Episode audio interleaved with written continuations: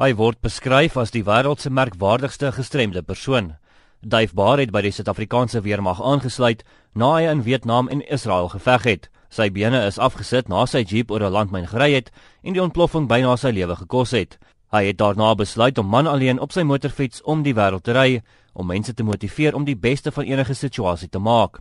Na twee wêreldrekords en 'n leeftyd van avontuur is hy terug waar alles begin het, Suid-Afrika. We're going to kick off on something that's never been done in the country.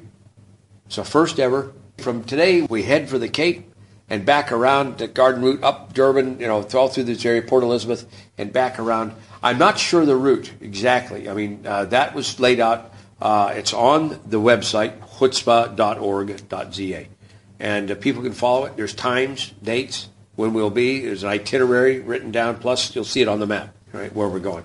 Baas sê enigiemand is welkom om saam met hom te ry, of dit vir 'n klein deel of die hele roete is. Hy verwag dat motorfietsryers hom die meeste sal ondersteun, maar sê motoriste is ook welkom. Every night there'll be something going on, raising money for what we're serving, the causes we're serving. And bikers are that way. We, we're, we're the, probably the most giving group of people that you'll ever run into anywhere. And, and this is not just us here in South Africa. It's in America. It's in Europe. You know, they have all kinds of runs, different runs for different things. Hey, we're sharing a privilege. We're out having fun. We're having the brotherhood of the motorcycle, but we, we, we are serving something that's bigger than ourselves as well.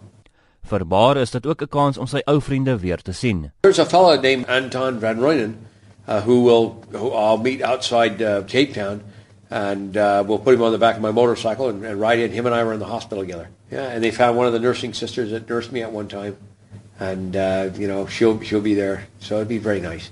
Hy sê dit is 18 dae van pret en plesier wat steeds vir 'n goeie doel bedoel is. Ek is Justin Kennerly in Hartbeespoort.